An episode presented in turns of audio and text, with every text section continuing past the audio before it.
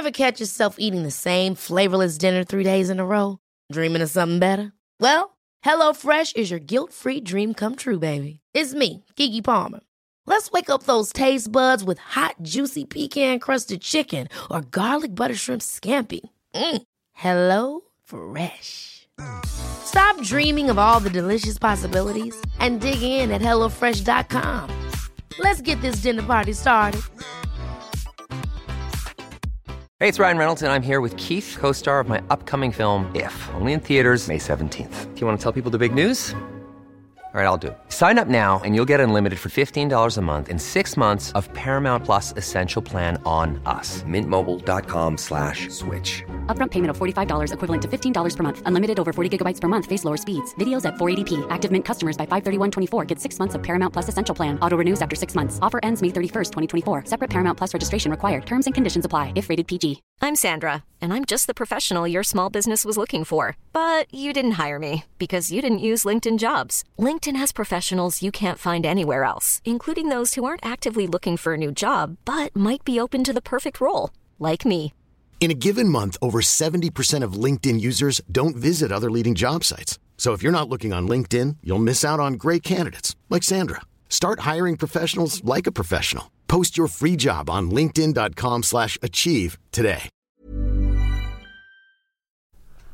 Høysesong i Kristen-Norge, valgkamp i det politiske Norge og jubileum for dagen.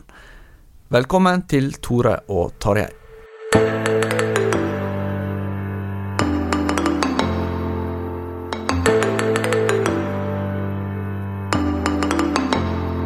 Vi er ferdig med sommerferie.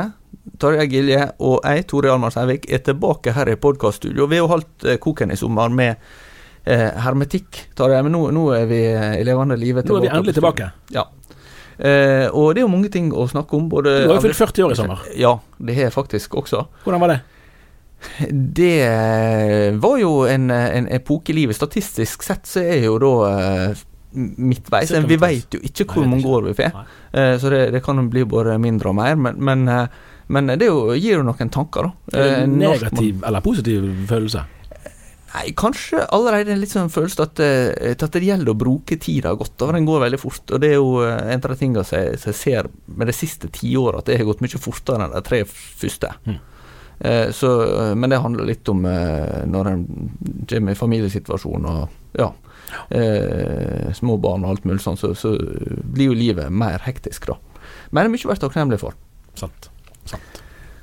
Og du, da? Hvordan, hva slags sommer har du hatt? Nei, jeg er glad og fornøyd, egentlig. Altså, det er veldig mye å være eh, takknemlig for.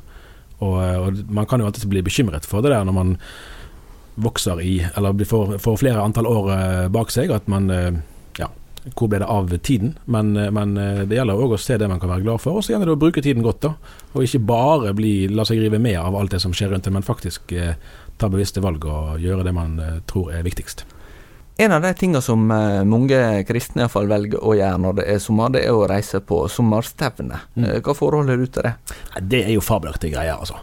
Eh, både journalistisk og privat, vil jeg si. Det er, det er et undervurdert samfunnsfenomen i Norge, vil jeg si. Mange tusen mennesker som møtes eh, på en hel haug med ulike steder rundt omkring i landet, til forskjellige leirer og konferanser og stevner.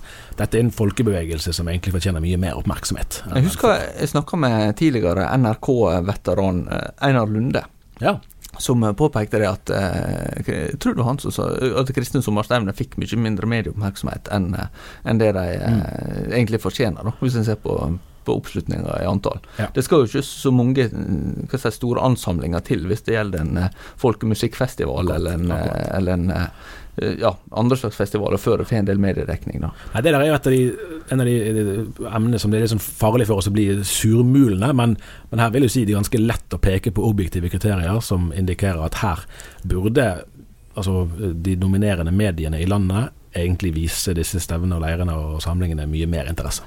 Hvordan eh, tenker du det er for vår del? Altså, i, vi kommer ikke fra at eh, for dagens eh, sin sommerjournalistikk så er, er det veldig eh, viktig at disse stevnene finnes, for det gjør det mye lettere å både treffe folk, men også lage stoff når det er Ja, ja. sommer og ellers litt, litt roligere da, i, i de hva hva jeg skal si, på de feltene som vi vanligvis fyller journalistisk. Man snakket jo før om agurk. Det, det begrepet finnes vel nesten ikke mer. Og, og med informasjonstilfang fra alle mulige kanter. Altså Sommeren er roligere enn ellers, men det er jo ikke noe agurktid. Det er jo masse som skjer òg sommerstid. Men likevel så er det jo en, en kontrast for oss på den måten at aktivitetsnivået i Kristen-Norge er jo gjerne vel så høyt eh, i disse ukene her enn eh, som det er ellers i året. Sånn at uh, det er jo virkelig Vi skulle jo vært mange flere på jobb om sommeren, og vi skulle vært mange flere steder og møtt, vært til stede på arenaer. For det er jo en del kanskje sånn mindre sammenhenger, så er det gjerne akkurat den uken der om sommeren der det kirkesamfunnet, den organisasjonen, det er der de er samlet ellers i året så er de gjerne lokalt, sant, rundt omkring i, i, bygder og byer, men akkurat der er de sammen. Det er da du får se litt av slagkraften som finnes i de respektive sammenhengene. Men vi klarer ikke å være til stede på alle disse arenaene. Nei, det skal, skal godt gjøres. Og, og, jeg forstår jo at folk kan, kan oppleve seg oversett og sånn. Ja. Det blir jo gjort et, et, grundig arbeid med å prøve å dekke mest mulig, men det er ikke lett å, å være alle mulige plasser. Nei, det er interessant. Det, når, når du og meg begynte her i avisen sant, for 20 år siden, så, så, var jo det å være sommervikar i dag det var jo en ganske sånn heftig sak. Du reiste rundt i flere uker og bodde ganske enkelt. og Du skulle skulle som dekker over enormt antall eh, stevner og leire eh, i løpet av en kort periode. Eh, og så begynte man jo å få digitale kameraer, etter hvert smarttelefoner, og så tenkte jeg vel en periode at ja, men kanskje vi kan klare oss med å ikke være så mye ute, at folk kan jo sende inn bilder sjøl, og vi kan ta intervju på telefon, og dermed sparer vi tid og penger og krefter på våre medarbeidere, og vi får hatt omtale av mange forskjellige arrangementer eh, likevel. Eh, mens nå de senere årene tenker vi vel egentlig mer og mer at nei, det å være til stede, det betyr jo faktisk enda mer nå enn før. Både i det at da kan vi gi leserne våre noe som er eksklusivt, på den måten at du kan alltid se på Facebook hva vennene dine syns om å være på Oase, eller hvor de nå er henne. Men en journalist som er der, kan jo faktisk fortelle en større historie enn akkurat hva min venn eller mine venner måtte se der og der. Og så er det jo omtrent uten unntak sånn at idet du er på et stevne og skriver om en tale eller om et møte eller om en trend eller hva det måtte være, så får du alltid med deg noe mer. Du treffer mennesker, og du får flere tips, og du får inntrykk som du ikke hadde kunnet få bare med å snakke på telefon med noen. Ja, Det, det tenker jeg med som en ganske viktig observasjon. Da jeg hadde jo mine to første sommervikariat i 2002 og 2003. Og da reiste jeg omtrent en måned sammenhengende fra stevne til stevne de to åra. Og da eh, blir en også kjent med at det er en del kulturforskjeller som en ikke alltid ser mm. hvis en hører til og kjenner seg trygg i et miljø. da. At en har visse eh, koder og visse sånne talemåter og tradisjoner og sanger og, og, mange ting som, som for så vidt er er fint og naturlig. Altså det er jo sånn med, med mennesker som, som, er i lag og har noe felles, at, at de, en del av det som er felles, er erkjent, og en del av det som er felles, er ikke så lett å se når du er på innsida. Eh, og, og, sånne ting kan jo virke både inkluderende og ekskluderende. Mm. For at du, du, merker ikke før du er kommet i en sammenheng der du ikke husvarme, at oi, her er det en del ting jeg ikke kjenner til og forstår. Mm. Og sånn sett så er det jo noe sunt kanskje også for, for stevnet og få besøk både fra, fra forskjellige miljøer, men også, også at eh, kristne medier er der for å, for å, skrive om det på en, på, en, på en, konstruktiv og interessert måte. Da, tenker jeg. Så, eh, men, men, ser du noen trekk i, i hva stevner som er store, toneangivende, og, og, hva som preger de forskjellige stevnene? Det er jo noen litt sånn artige trekk. Altså, for det første, Vi kunne jo ha stasjonert en journalist på bibelskole i Grimstad, og der kunne han eller hun bare bodd gjennom sommeren. For det er en haug med, med ting som skjer der, i ulike sammenhenger eh, hvert år. Eh, jo, en av de artige tingene er jo på en måte at Nordmisjonen sitt sommer i sør er der. Og så er jo da Imi-kirken særlig som har det som heter Åpen himmel. Og Imi-kirken er jo en del av Nordmisjonen, men deres sommerstevne er større enn Nordmisjon sitt sommerstevne, som finner sted på samme sted et par uker før. er Det vel. Altså det er jo en sånn observasjon som, som er artig. Eh, for dagens del så har vi hatt en sånn følelse mange ganger at vi, vi er systematisk for lite til stede på Oase. Det er jo et av de aller største stevnene altså målt i antall mennesker samlet eh, på ett sted.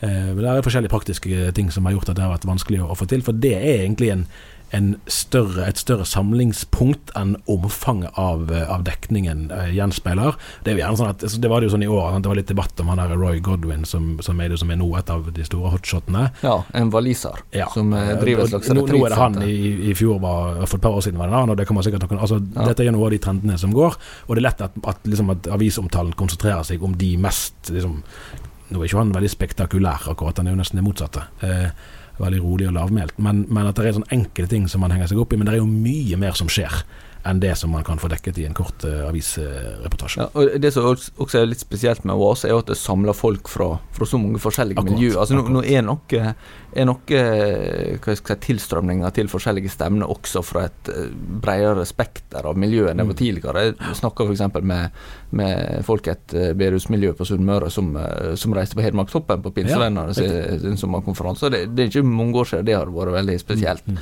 Eh, så, så det, det, er jo en forandring sånn sett. Da. Men, men så, så, merker jeg også at det der er eh, en balanse der mellom eh, å lage journalistikk som, som beskriver litt eh, hva skal jeg si, det, det, sosiale, kulturelle, det at, eh, hva fellesskapet betyr, og journalistikk som går mer på det innholdsmessige. På, mm. For vi er jo Eh, det er jo litt litt sånn i, i media at det å skrive referat fra taler og lignende, som en kanskje gjorde mer tidligere, det er ikke så eh, vanlig lenger. Da. Men, men jeg har jo tenkt av til det om, om vi kanskje skulle gjort enda mer av på en måte eh, journalistikk på, på, det som blir forkynt, ja. og det, det som blir undervist. Da. Ja, det er balanse mellom å, å måte, vise både altså respekt for arrangørene, men òg for leserne sin del. Hva er det de er opptatt av? F.eks. Mm. på Oase. Hva er det som preger, ikke bare én ting, men, men, i det store hele, hva er det de er opptatt av? Hva slags agenda har de? Og alle mulige andre stevner og leirer. Hva er det som er den røde tråden her? Hva er man opptatt av, hva er man glad for, hva er man bekymret for? Eh, fremfor det som kanskje kan bli litt sånn journalistsyke, at vi skal alltid finne et nyhetspoeng, og så kan det være opp med litt sånn kuriøse ting som i og for seg har en viss sånn nyhetsinteresse, men som egentlig ikke er så veldig viktige i den store sammenhengen. Nei, og, og jeg må også være klar over at de som er på et sånt stevne, de tror jeg både ut ifra det at det er så stort fellesskap, og, og at en har tid til å snakke om ja. og evaluere ja. ting i lag, og i en setting der du treffer folk fra andre miljøer, sånn, så, så, vil nok det, disse inntrykkene som kommer fra stevner, også prege mange eh, med hva de tar med seg hjem igjen. Eh, og, og dermed eh, meningsliv eh, ellers i året. Så er det jo et, et trekk til som er litt vesentlig. Det er jo Særlig for de lutherske organisasjonene så, så har man jo pleid å ha generalforsamling hvert tredje år. og der har, altså Det er jo eh, Misjonssambandet, Indremisjonsforbundet, Nordmisjon og NMS. Eh, særlig da er vel Nordmisjon og NLM de har vel generalforsamling samme året. Og der der er jo litt forskjellig kultur. altså F.eks. at NLM sin generalforsamling er jo en av de største mønstringene som er i Kristendom. Det er et massivt apparat som er i sving der. Så der får man, når man har vært der, så har du virkelig fått med deg en mengde inntrykk av hva som rører seg i den store organisasjonen. Eh, mens andre, f.eks. i NMS, så er nok situasjonen, har jeg inntrykk av den, at, at hvis man kun ser på f.eks. på aldersfordelingen, eller på antall mennesker som er på generalforsamlingen, så er NMS både yngre og større forholdsmessig da, enn det man ser der. Ja. Eh, men, men, noe av det som er Altså, generalforsamlinger kan jo være Jeg fall det er et journalistisk eldorado. For der skjer det, altså Debattene foregår i plenum, du, kan, du får frem ulike synspunkter, du kan få frem konflikter tydelig. Den og den mener det, og frontene står her og frontene står der.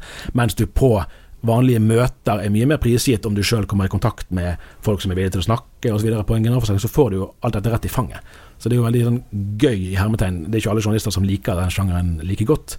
Dette ligner mye på politiske landsmøter, som, som, kan være veldig, veldig, spennende. Nå er det Indremisjonsforbundet som har generalforsamling, men de har, de har, flyttet den for første gang nå fra sommeren til lederkonferansen sin i november, ute på, på Sotra utenfor Bergen her. Eh, så det, i år er det de som har det, eh, mens det er vel NMS igjen til neste år.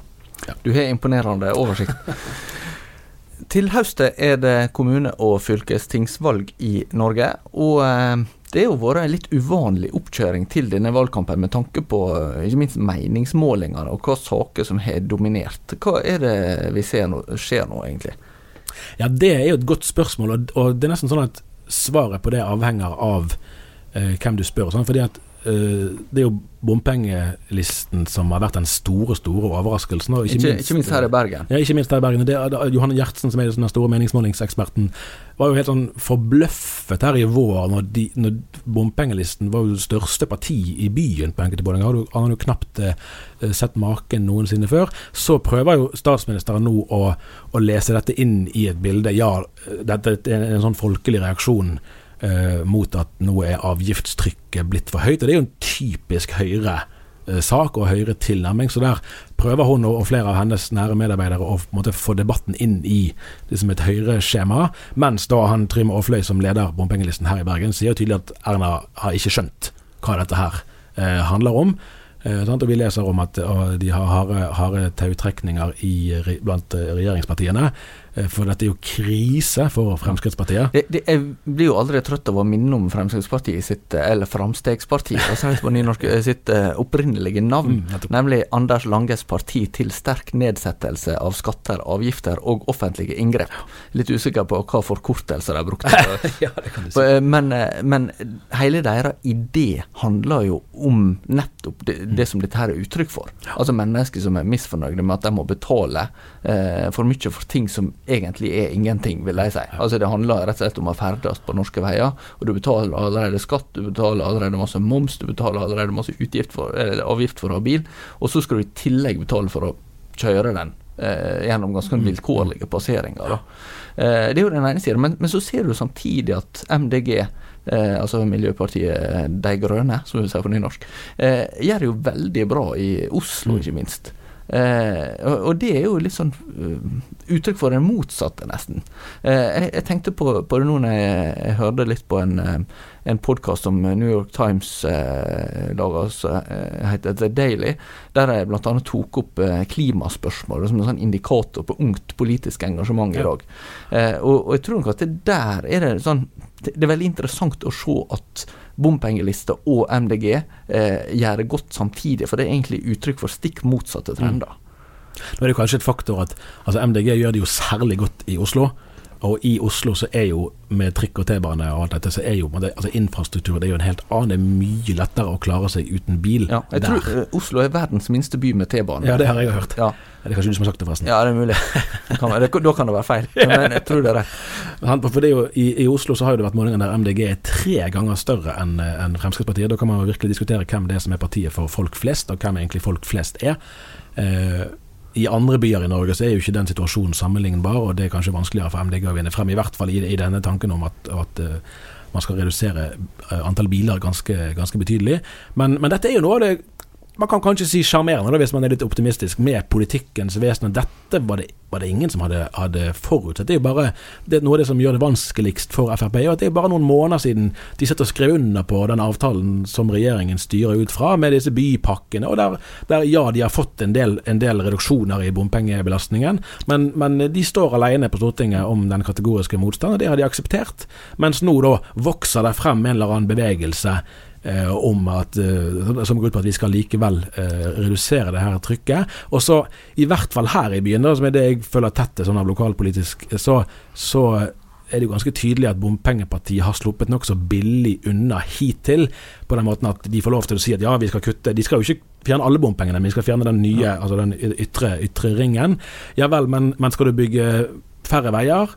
Eller skal du finansiere veibyggingen på andre måter? Og hva mener egentlig denne bompengelisten om eh, skolepolitikk Ja, og alle for- for- mulige andre områder? Det, ja, det skal vi komme tilbake til litt seinere. Men, men, men det jo, du, nevner jo det å være måtte, Se positivt eller optimistisk på det, at det, det er uttrykk for et sånn øh, at, at det er et engasjement blant befolkninga for noe, og dermed så får det et politisk uttrykk. Men, men det er jo også det som kan være ganske utfordrende med sånne stemningsbølger. Eh, som, som eh, Altså Hvis en ikke har en hel, helhetlig politikk, da, så vil det være sånn at også ensaksparti må ta ansvar for Nå spørs det hvor stor bompengeliste eller hvor stor oppslutning de kommer til å få i, i bystyret til slutt, da, men, men det er jo et Ja, de, de kommer til å vise igjen, antagelig. Ja, altså Alt tyder på at de blir en betydelig faktor, og det, og det vil de jo bli. Altså Det handler jo òg en utfordring for de sjøl. For hvis de, hvis de som står på listen i hovedsak står på den listen fordi de har en sterk bompengemotstand, så er jo 90% og vel så det av sakene de skal stemme for eller mot i bystyret, handler jo ikke om bompenger. Nei. Har de én stemme, egentlig? Klarer de å samle seg, eller blir dette et parti som i løpet av fireårsperioden rakner i alle retninger? Hvem vet? Ja. Nei, jeg fikk, jeg fikk litt assosiasjoner til det første stortingsvalget som gjorde et visst inntrykk på meg, da, nemlig i 1989. Da eh, enmannspartiet Framtid for Finnmark ble representert på, på Stortinget ved Anders Aune. Ja. Eh, og det har jo hatt av og til sånne eh, altså Også Steinar Bastesen var jo alene på, på Stortinget for Kystpartiet. Ja. Så, eh, og, og, um, og han her eh, Erling Folkvord var inne alene for Rødt, og, Bjørnar Moxnes er det for Rødt nå. Så det der er jo av og til det kommer sånne her Ja, eh, nå sa eh, Frode Myrhol, tror jeg, det er han som leder. Han er fra samme øy som jeg. Oi, oi, oi! Han leder jo bompengelisten i Stavanger. Han sitter vel, tror jeg, i bystyret der allerede, hvis jeg ikke tar feil. Ja, han har spilt Eh, fotball med min min barndom. Riktig. Og han var intervjuet på, på P2 i, i sommer i den serien de har hatt istedenfor Politisk kvarter, og sa vel egentlig ganske rett ut at han sikter mot Stortinget Ja. i, i 2021. Eh, Så om han blir da en enmannsgruppe eller om noe annet, det, det er virkelig ikke når vi skal eh, late som at vi vet i dag, sant? Om, om denne bølgen da bare fortsetter å få ny styrke, eller om de andre partiene klarer å korrigere politikken sin, sånn at de klarer å ta opp i seg dette opprøret sjøl, det vet vi ikke. Nei. Det blir spennende å se hvordan det går i valget. Vi har også skrevet litt om, om hvordan det blir for KrF, eh, med utfordringer med å stille nye lister. Så det blir jo kanskje en indikator også med tanke på, på veivalget som ble tatt eh, i november i fjor, Ja, med å ja. gå eh, og samarbeide til Høyre. Eh, selv om dette er jo ikke avgjørende for nødvendigvis det samarbeidet, men det kan jo bli en sånn stemningsmåler på, på eh, hvordan gråsrota Ja, det blir jo spennende å se både altså i Bergen og Oslo som de to største byene sant, som har hatt uh, mye uh, høyrestyre, som nå har Arbeiderpartistyre uh, begge steder. Eh, om det blir, blir stående, og Stavanger som har hatt høyrestyre enda lenger, om Arbeiderpartiet motsatt klarer å snu det der. Det vil jo gi noen tydelige hint eh, om, om eh, hvor hen tyngdepunktene beveger seg. da. Er det spesielle saker ellers eh, du tenker er viktige i dette eh, valget? Det, det er jo For regjeringa som helhet så er det også eh, spennende, altså ikke minst for Frp, da, men det, den eh, katastrofale oppslutninga de har hatt på, Ja, ja, på det er veldig viktig for Fremskrittspartiet hvordan det går nå. Men, men også for Venstre eh, er det jo et eh, Ja, da, og Det er jo noe av, noe av spennende. dilemmaet i regjeringen. at der, der, eh, altså, Det er jo viktig for begge parter, men det er det motsatte. altså Det som vil være bra for Fremskrittspartiet, vil være veldig alvorlig for Venstre. Og ingen av partiene har egentlig noe å miste. Nei. Sånn at eh, Ja, det blir, det blir veldig spennende å se. Og det er jo faktisk ikke Du sa at det var valg til høsten, og det er jo sant, men høsten er jo nærmest eh, akkurat her. Det er jo bare noen uker unna. Eh, så vi er jo eh, Det på full fart inn i valgkampen. Apropos den høsten vi er mm, så vidt begynt på. Eller det, august også er vel en sommermåned, så ikke helt begynt ennå. Men, men eh, det, det er jo en viktig dato for oss eh, som nærmer seg veldig, og det er 20. august. Eh, og hvorfor er den viktig? Da kom den aller første utgaven av Dagen ut i det herrens år 1919. Ja, det var et prøvenummer. Det var, Mm. eh, Den kom ikke helt i ordinær drift. eh, altså Den kom ikke ut dagen etterpå, tror jeg. men- Nei, det tror jeg det var 14 dager eller noe Ja. før den, eh, ja, den neste Så, kom. så jeg visste ikke hva jeg uke. Jeg skal ikke si Ja, helt noe sikkert. Ja. men i alle fall så, så er det da 100-årsjubileum for dagen. Og det skal jo markeres på litt forskjellige vis. Jeg har drevet og jobba en god del med et eget jubileumsnummer da, som kommer lørdag 17. Og så skal vi faktisk også gjøre noe litt eh, Ja, litt andre ting. Vil du fortelle litt om det? Ja, en, en sånn gøy ting er jo at, eh, at 20. august på jubileumsdagen så får eh, abonnentene et gjentrykk av hele den første eh, avisen fra 1919. Den er jo veldig forskjellig fra, fra sånn som avisen utformes i dag. Men det er bl.a. en veldig flott eh, artikkel på, side, på for, forsiden der. Eh, som, som er på en måte en sånn programerklæring for hva denne avisen skal være. Og Det er jo selvfølgelig skrevet i en annen eh, språkdrakt enn det vi ville brukt i dag, men, men det er noen veldig fine idealer å, å strekke seg etter, og det, det er gøy, synes jeg, å se hvordan man tenkte. For det er jo det er mange ting vi kunne, vi kunne hef, altså, dvelt ved. F.eks. Hvor, hvor forutseende denne avisens grunnleggere var i det at dagen skal ikke være et organ for én bestemt kristen retning. Den skal være et felles kristent eh, organ og ta opp i seg større linjer enn en helt eh, detaljerte. F.eks. har dagen aldri hatt en eksplisitt Luther-paragraf. Det, det er jo også interessant at eh, da dette ble formulert, så hadde jo eh, frikirkeligheten etter hvert kommet utover eh, andre halvdel av 1800-tallet med et visst innsikt i Norge, men var jo egentlig ganske små. Eh, og pinsebevegelsen har jo kommet bare tolv år før, eller noe sånt. Så, så, så det var jo på en måte ganske dristig. Ja, ja det var det. Det var, det var modige, modige folk. Og det, det sier jo noe at de statuttene som ble etablert den gangen, faktisk er gjeldende fremdeles. Vi leser ikke det som vi leser liksom loven, sant? at vi, der er betydelig tolkningsrom. Men, og, og igjen er språkføringen en annen enn den vi ville valgt i dag. Men, men selve tenkningen bak gjenspeiler egentlig ganske godt det som, eh, det som vi arbeider etter eh, 100 år seinere. Og det, det vil jeg si, altså det å klare å formulere visjoner for kristen virksomhet som faktisk holder i 100 år. Det er ikke mange menigheter i dag som klarer det. Nei, det skal iallfall uh, veldig godt gjøres, da. Uh, men, men, når vi skal ha dette, dette jubileet, hva, hva, tenker du er liksom verdt å dvele ved. Vi skal se litt, litt, mer sånn konkret på det, med hva dagen skal være i, i vår tid. Hvordan vi skal jobbe i vår tid. Hva, hva folk skal forvente av dagen. Mm. Ja, Det er et godt spørsmål. Det er jo veldig mange innganger til det. Jeg selv Altså, den, vi hadde jo, vi hadde jo uh, intervju med Dag Kullerud som ble sendt her i forrige uke. Det er vel verdt å høre på, virkelig, for de som ikke har, uh, har hørt det. Ja, Han er altså tidligere journalist i Dagbladet, Aftenposten og NRK. Og det var faktisk han som etablerte Dagsnytt 18 ja. i sin tid. Eh, Eh, og I tillegg så har han da skrevet biografier om Ole Hallesby og Hans Nilsen Hauge, og historiebøker om uh, Det norske bibelselskap, f.eks. Jeg er veldig glad for den, og den, det var sjefredaktøren som skal ha æren for det, at det var han som fikk det oppdraget. og Det syns jeg er veldig kjekt på den måten at han, han står jo sjøl utenfor uh, dagen historien, og kan dermed se utenfra. Og det gir jo boken et annet, en annen dimensjon, et annet perspektiv, enn om den var skrevet av en som sjøl var del i. Ja. Den kommer også på Cappelen Dam forlag. Akkurat. Det, den er veldig spennende å lese. Men det som jeg skulle si eh, i den sammenheng var egentlig at, at jeg ville gjerne løfte frem Johannes Lavik sånn, som den første eh, av dagens redaktører som satt i Altså fra 1919 så tror jeg han døde i 52, hvis jeg ikke husker feil. Det var en ganske lang redaktørgjerning. Eh, og det fremhever Kullerud at han plasserte seg ønsket å plassere seg i sentrum av kristeligheten. Nå var det en annen tid, så det er ikke helt sammenlignbare størrelser. Han hadde sin bakgrunn i, i eh, indremisjonssammenheng, men hadde samtidig òg et vidsyn som ga han eh, inngang i, bredere miljøer. Og der syns jeg det er ganske mye for oss å tenke over og strekke oss etter i dag. Eh, og, og, vise en type åpenheter som gjerne ikke alltid har preget lavkirkeligheten.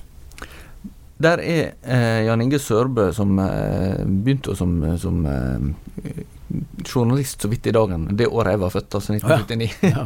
Han har skrevet en kronikk til, eh, til Og en professor på Høgskolen i Volda. Ja, stemmer. Han er jo særlig eh, veldig god eh, kompetanse på nynorsk litteraturhistorie, så han ga ut en bok om i fjor, men også skrevet eh, biografi om flere sentrale kristne skikkelser, som forfatter Ronald Fangen, som var ja, sentral i grunnleggelsen av uh, avisa Vårt Land, og uh, også skrev om ja, flere andre.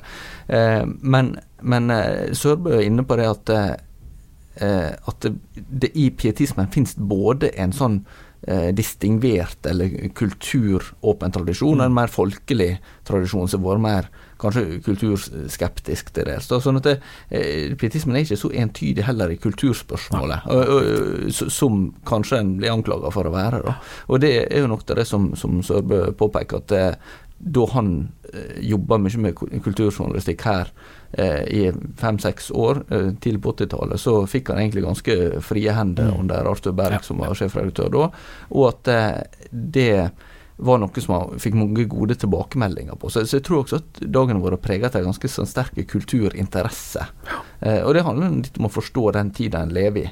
Eh, ja. at, at den rett og slett eh, har et kristent perspektiv på kulturuttrykk. Da. Ja, ja. ja, for det er i hvert fall jeg, tror jeg mest av alt er redd for, er jo at vi får en sånn situasjon der, der frykten for sekularisering, frykten frykten for det man kan ha kalt for avkristning, gjør at vi får et sånn engstelig kristenfolk som ser potensielle fiender eh, alle steder, og ender opp med å kunne bli egentlig å, nærme seg det, det hatefulle, da.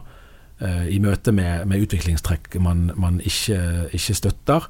Eh, da da får vi noe annet enn den haugianske bevegelsen som møysommelig og nidkjær, trofast, gjerne med små, altså med, med, med dårlige kår eh, ytre sett, klarte å bygge opp disse vitale bevegelsene som, som, vi i dag nyter eh, godt av. Jeg er opptatt av at vi, at vi i dag må jo leve sånn at vi, altså akkurat som det gjelder allment, at vi gjør vilkårene for neste generasjon bedre.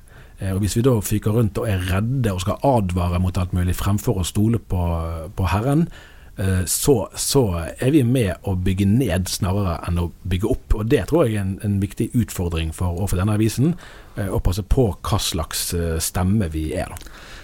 Men eh, noen vil jo innvende at hvis en ikke er kritisk, altså at mange kristne i dag er for lite kritiske til hva en ser og hva en hører. Og, altså, gjerne, det er en stund siden den sangen er blitt brukt, men eh, 'vær forsiktig, lille øye'. Var, så altså, det, er jo, det, er jo, noe med at det er en bevissthet rundt at det, er ikke alt en skal, skal fylle seg med. Mm. Eh, som, eller så, så iallfall ikke ukritisk skal, skal på en måte bare, bare la passere. da. Hva, hva, tenker du om det? Nei, Utfordringen tror jeg ligger i å klare å være altså hvis, i, I intervjuet med Kullerud snakket vi om eller Kullerud kaller jo Lavik for en pietist med grundtvikianske år. og Det begrepet, altså det handler om, om Nikolai, Nikolai Nicolai Fredrik Severin Grundtvig, danske salmedikter og folkehøyskolegründer. Eh, og da skal ikke man slutte å være forankret. Sant? Man Vær pietist i, i beste mening av ordet. Eh, pass, vær bevisst på hva vi tar til oss av impulser, og hva vi lar oss styre av, og hva vi lar legge premissene for livene våre. Eh, men, men det er noe med en sånn litt sånn lavmælt, eh, ettertenksom varsomhet i møte med et samfunn som er et annet. Sant? Samfunnet i dag er vesentlig forskjellig fra det som, som Johannes Lavik arbeidet i. Det må vi huske på. og Vi kan ikke bare trekke en linje fra 1919 til 2019 og tenke at vi skal gjøre det samme i dag, for sånn er det ikke. Samfunnet er forskjellig. Eh, men, men eh, det er jo et, et bibelord som sier at i stillhet og i tillit skal deres styrke være. og det, det, det, er på en måte ikke naturlig for mennesket nesten å stole på Gud. Sant? Vi ser rundt oss og blir redde og blir styrt av, av de umiddelbare impulsene. Eh, og det er en utfordring for oss å våge å, å ha tillit til at uh, denne avisen, den kristne bevegelsen, har sitt utgangspunkt i noe som det ikke går an å se, og som det ikke går an å måle kraften i, men som det går an å bekjenne seg til og å stole på likevel. Det var siste ord i dag. Eh, vi fortsetter videre med nye episoder framover, så eh, Følg oss gjerne, og uh, gå gjerne inn på Facebook og uh, følg oss på sida vår der, eller gi oss en, uh, tilbakemelding i iTunes eller hvor du hører på podkast. Vi høres igjen neste uke.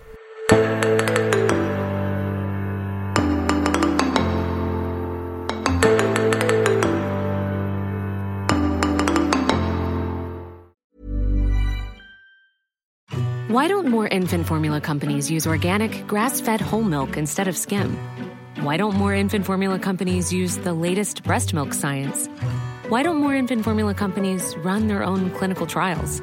Why don't more infant formula companies use more of the proteins found in breast milk?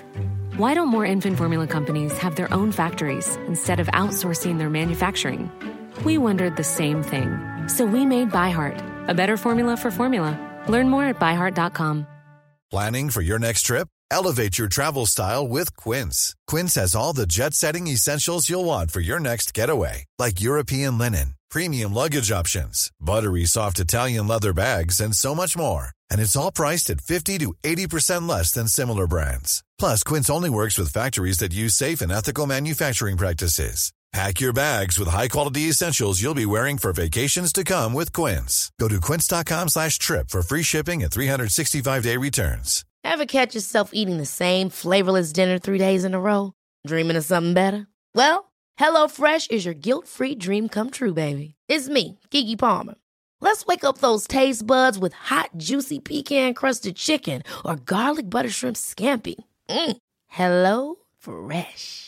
Stop dreaming of all the delicious possibilities and dig in at HelloFresh.com. Let's get this dinner party started.